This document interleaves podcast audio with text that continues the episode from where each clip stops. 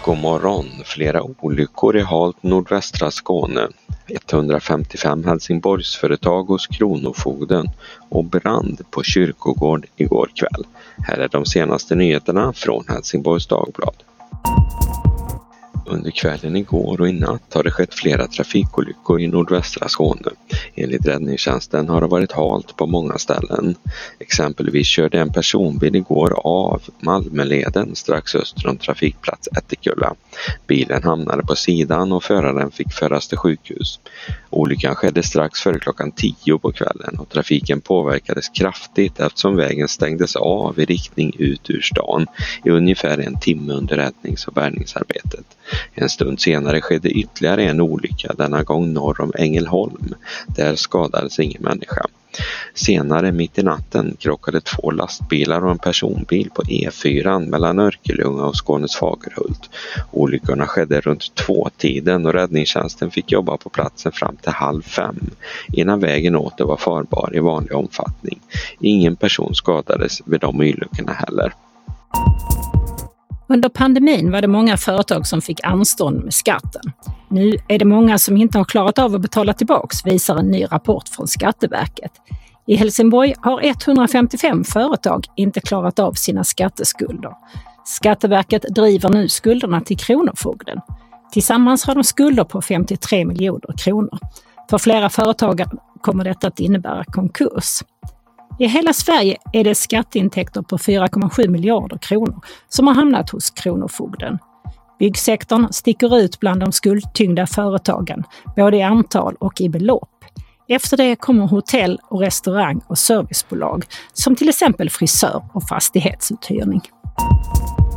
Strax efter klockan åtta igår kväll började det brinna i ett förråd på kyrkogården i Östra Ljungby i Klippan. När räddningstjänsten kom till platsen slog det ut lågor från det fem gånger två meter stora förrådet som var byggt i trä.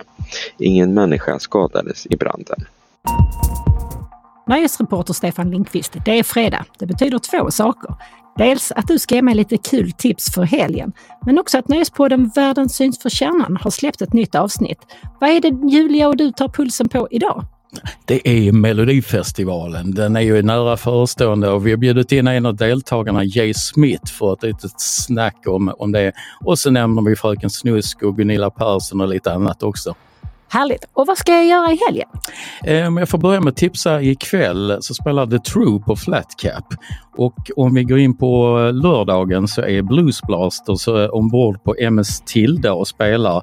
MS Tilda som ligger förtöjd vid eh, terrasstrapporna och sen är det final i Popcorn Nordic på Tivoli och Late Night på teatern med Björn Dixgård från eh, Mando Diao. Och apropå teatern så eh, kan jag också tipsa om att eh, Nästa andetag, den hyllade pjäsen, spelas både fredag och lördag med de två skådespelarna Gustav Berg och Elin Norin som också har varit gäster i Världen syns från kärnan. Härligt! Jag hinner knappt se På spåret. Tack så mycket! Vädret. Idag väntas busväder. Regnet nu på morgonen verkar hålla i sig fram till någon gång mitt på eftermiddagen. Det är friska sydliga vindar som är hårda i byarna. Under kvällen vrider de till västliga och ökar upp till 14 till 16 meter per sekund med upp till 25 i byarna. Den kraftiga blåsten ser ut att lugna sig under lördagsmorgonen och helgen ser ut att kunna bjuda på ett grått och ganska normalt januariväder. Det var allt från Helsingborgs Dagblad den här morgonen. I studion Peter Fern, Stefan Linkvist och Yvonne Johansson. Läs mer på hd.se. Vi hörs!